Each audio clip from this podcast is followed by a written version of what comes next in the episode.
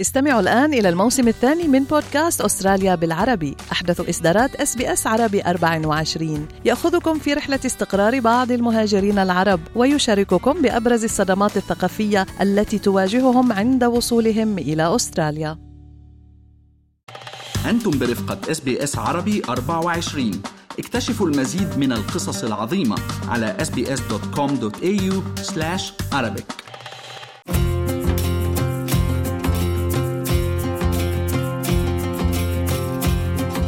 دردشة عائلية بودكاست يغوص في هموم العائلة العربية الأسترالية.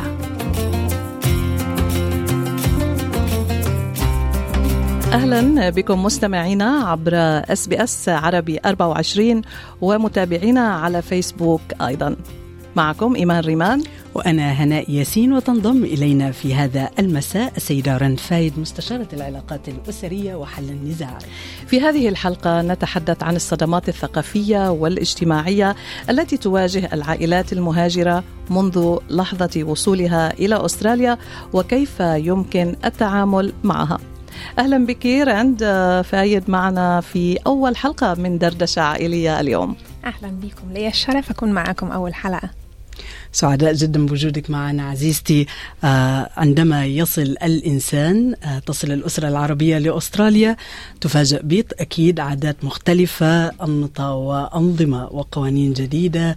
آه يعني الكثيرون قد يقولون أنهم عاشوا آه، بمعنى الكلمة الصدمة الحضارية، ما المقصود بهذا التعبير الدارج المألوف؟ لكن يمكن تفاصيله قد تكون غائبه عن البعض. نعم، الصدمة الحضارية هي صعوبة التكيف مع مجتمع جديد عاداته مختلفة. على حد كبير عن العادات والتقاليد والثقافة اللي الشخص كبر ونشأ فيها.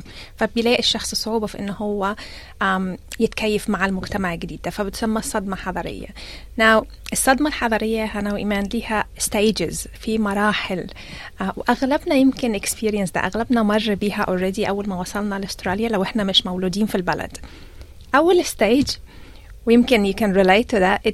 Honeymoon stage. أو like مرحلة شهر, شهر العسل, العسل. مرحلة شهر العسل.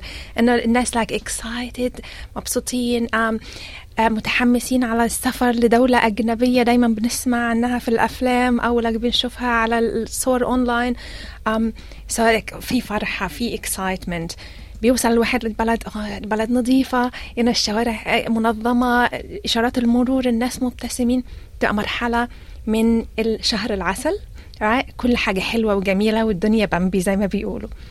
بعدين شوية شوية مرحلة شهر العسل دي بتستمر من شهر لسنة تقريبا. بعدين بيبتدي الإنسان okay يحتك بالحياة day to day every day life. وبيبتدي إن هو تحصل له صدمات. دي مش زي ما أنا you know متبرمج مش زي اللي أنا اتربيت عليه. فبيبتدي إن هو يخش في حاجة اسمها ال homesick أو الحنين للوطن. يبتدي بقى أي لما يسمع لغته في الشارع قلبه يحن. لما يسمع أغنية معينة يشم ريحة معينة يوحشوا الأكل بتاع بلده. أغلبنا عندنا deep deep connection للأكل بتاع بلادنا فبيبتدي الإنسان شوية يحزن ويحصل عنده حنين deep حنين. في ناس بتقعد في المرحلة دي فترات طويلة في ناس بتقعد سنين في المرحلة دي وفي ناس بتوصل المرحلة دي معاها للاكتئاب ويبقوا عايزين يرجعوا. يعني في ناس بعد ثلاث شهور من وجودهم في أستراليا يقول لك أنا بكره البلد دي أنا عايز أرجع أنا مش, مش قادرة أقعد هنا. المرحلة اللي بعد كده ومهم قوي إن إحنا نوصل لها ال adjusting أو إن إحنا نبتدي نتأقلم إزاي. تبتدي إن الواحد okay يحاول okay يتفهم إنه أنا جاي من حضارة مختلفة. دي حضارة تماما مختلفة عن اللي أنا تربيت ونشأت فيه. إزاي ممكن أتأقلم وأتكيف معاها؟ إيه اللي أنا ممكن آخده؟ إيه اللي أنا ممكن أسيبه؟ والمرحلة الرابعة والأخيرة واللي hopefully أغلب الناس توصل لها هي ال acceptance أو التقبل التعايش الاندماج. إن الواحد خلاص يعني بقى جزء من الحضارة الجديدة اللي هو عايش فيها دي. يسلم اذا ويرتاح نفسيا بأنه أنا وصلت إلى هذه البلاد مريت بكل هالمراحل. الآن حان الوقت إنه أرتاح إني أنظر إلى المستقبل لمعرفة ماذا سيحمله لي ولعائلتي. رند إذا عد عدنا مع العائلة إلى قبل الوصول إلى ما قبل الوصول إلى أستراليا. الكل يكون كما ذكرتي يعني هناك حماس فعلا بلد جديدة. هل يمكن التفكير قبل الوصول إلى هنا قبل الوصول إلى أستراليا بما قد نتوقعه بما قد يعني يصادفنا نراه هل في شيء نعمله أو يعمله المهاجر اللي عم بفكر بالهجرة إلى أستراليا لكي يحضر نفسه ويهيئ نفسه للقدوم؟ طبعا في حاجات كتير قوي قوي الواحد ممكن يعملها عشان يحضر نفسه ويقلل شوية من الصدمة الحضارية من تعرضه للصدمة الحضارية. يقرأ كتب يشوف أفلام يتواصل مع ناس عايشين في البلد اوريدي ولكن الحقيقة والواقع يا إيمان أنا مش هكذب عليكي إنه مهما الواحد استعد you can never be prepared enough. ما تقدرش تستعدي بما يكفي. مهما كنتي مستعدة مهما تكلمتي مع ناس مهما قريتي استعدادك غير كافي وحتتصدمي بأشياء ما كنتيش تتوقعيها. إذا هذا جواب على السؤال إنه ممكن أن نتعرف ممكن أن نقرأ لكن آه رح بضل في شيء يفاجئنا. صحيح. إذا المفاجأة لابد منها والصدمة إن شاء الله تكون بسيطة وخفيفة في معظم الأحوال.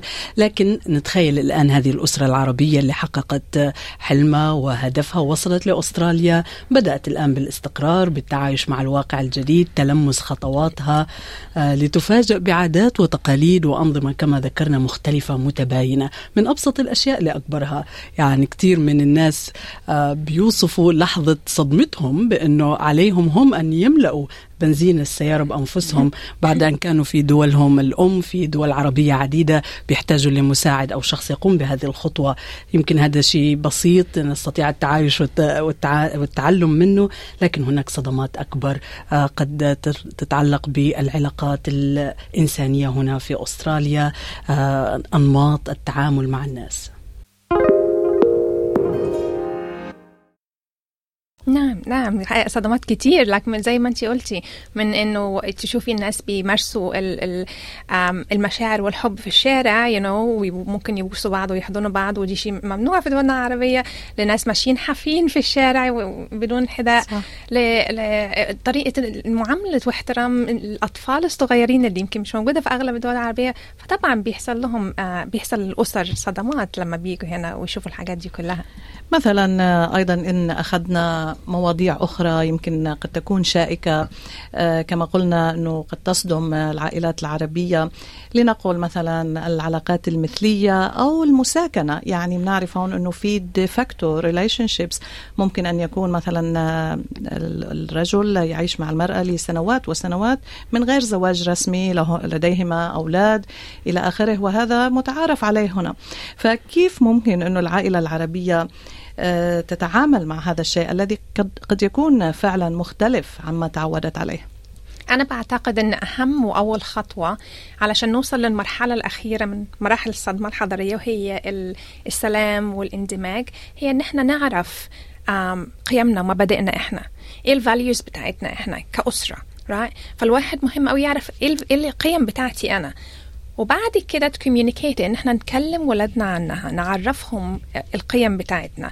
فمجرد ما أنا عرفت القيم بتاعتي وعرفتها لأسرتي ولولادي هيبقى من السهل إن أنا أشرح لهم إن الناس مختلفين وإن الناس عندهم قيم مختلفة وإن إحنا نتقبل إن إحنا نعيش في تآلف مع الناس المختلفين عننا.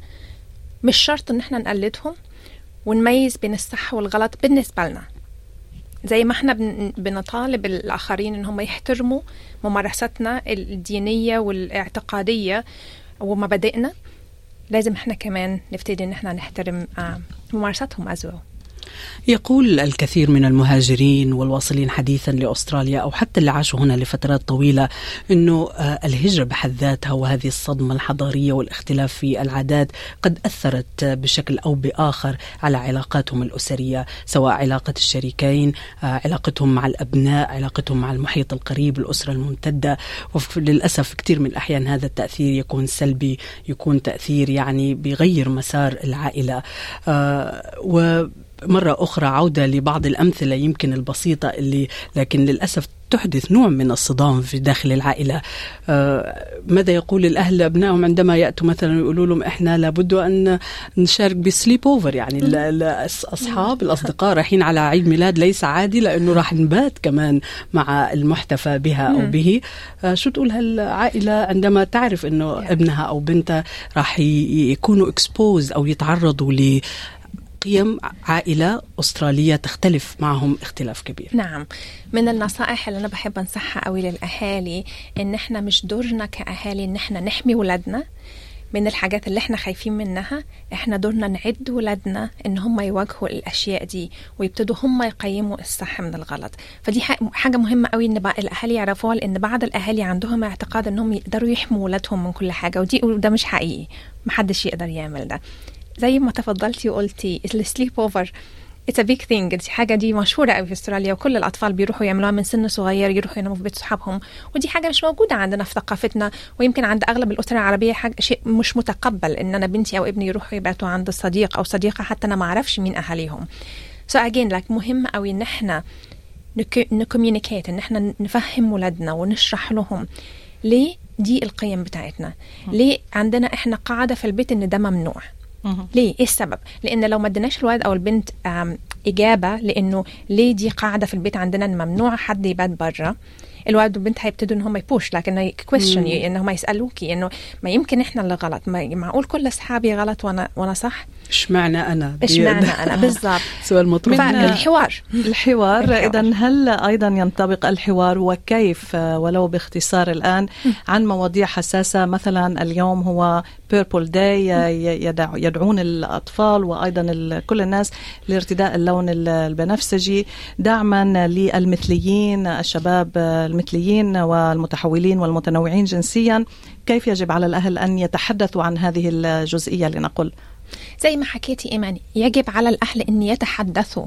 أنا بشوف أهالي كتير من كتر خوفهم من المواضيع الحساسة والشائكة دي بي بي بيمثلوا أن الحاجات دي مش موجودة. وبيرفضوا أن هم يفتحوا يقول لك أنا مش عايزة أفتح عينين ولادي على الحاجات دي مثلا نعم. مش عايزة أتكلم فيها. ما ابنك أو بنتك عايشين في مجتمع بيتكلم عن الأشياء اللي أنت رافض تتكلم عنها. ابنك أو بنتك لو ما سمعوش منك هيسمعوا من بره ف please لك رجاء لجميع الأهالي افتحوا باب الحوار اتكلموا بدون خوف بدون حرج.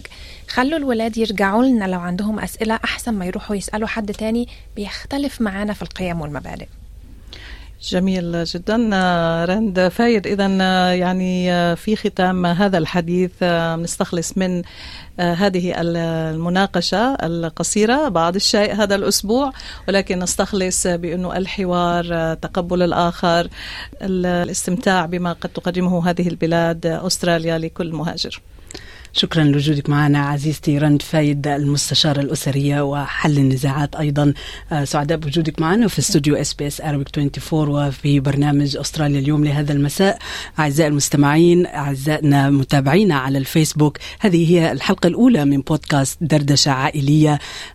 نأمل أنه ما نقدمه من معلومات ومن حوار يكون مفيد ويفتح أيضا مجال لكم لمناقشة هذه القضايا أكيد داخل أسرتكم. هل تريدون الاستماع إلى المزيد من هذه القصص؟